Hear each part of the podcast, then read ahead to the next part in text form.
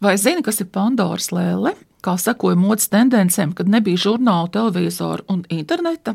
Vai atceries, kā bērnībā šuvām lēlēm kleitas un spēlējāmies ar tām? Bet tālākajā 17. gadsimtā lēlas nebija rotaļlietas, bet gan apģērbu, modeļu demonstrētājs. Šādas leļu topmodelis sauc par Pandorām, un tās palīdzēja dāmām no Eiropas un Ziemeļamerikas uzzināt par jaunumiem franču modes namos. Sievietēm vienmēr ir paticis pucēties. Pat senajā Romā, kad mode vēl nebija piedzīvojusi savu zelta laikmetu, tika darināts pirmās māla manekenu lēles.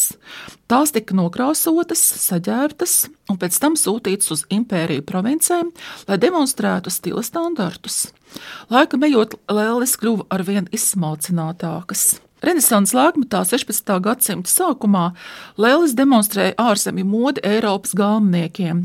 Kā piemēru minēšu stāstu par Izabelu de Estī, vienu no tā laika populārākajām sievietēm Itālijā. Viņa bija slavena ar savu izcilo stila izjūtu un saņēma simtiem vēstuļu no tālām zemēm ar lūgumu atsūtīt viņas stilā saģērbtas lēles. Pandoras lēlas koncepcija parādījās tikai 17. gadsimta pirmajā pusē Francijā. Lēlis atradās Marķīs de Rambojē literārajā salonā, un viesi apmeklējot to skatījās uz skaistulēm un apsprieda jaunākās modes tendences. Šīs lēles bija neticami skaistas, un tērpus tām šuva labākās šuvējas. Ko valkāja Pandoras lēles? Tām bija viss drēbju skapis ar tā saturu. Kleides ar korsetēm, svārki, greznas blūzes, skrekli, zeķis un zeķu prievītes, kurpes, cepuris un cimdi. Nevarēja iztikt arī bez parūkām, rotas lietām un smaržām. Lēlis vienmēr bija pārī ar otru lēli augumā mazāku.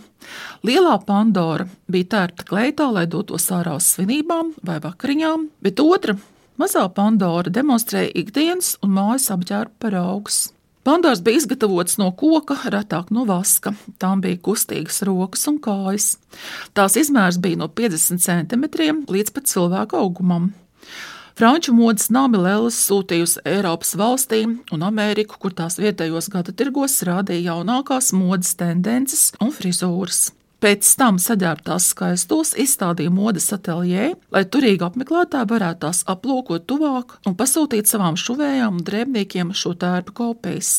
Ilgu laiku Pandors bija pieejams tikai augstākās sabiedrības dāmām. Līdz ar drukāto modes žurnālu parādīšanos Pandoras leļu popularitāte sāk kristies. Tagad tās varam apskatīt tikai muzejos, bet mūsdienās šīs elegantās skaistos ir aizstājuši manekenu veikals katlogos un turpina pildīt nemazāk svarīgo uzdevumu - attēlot mūsdienu modes tendences.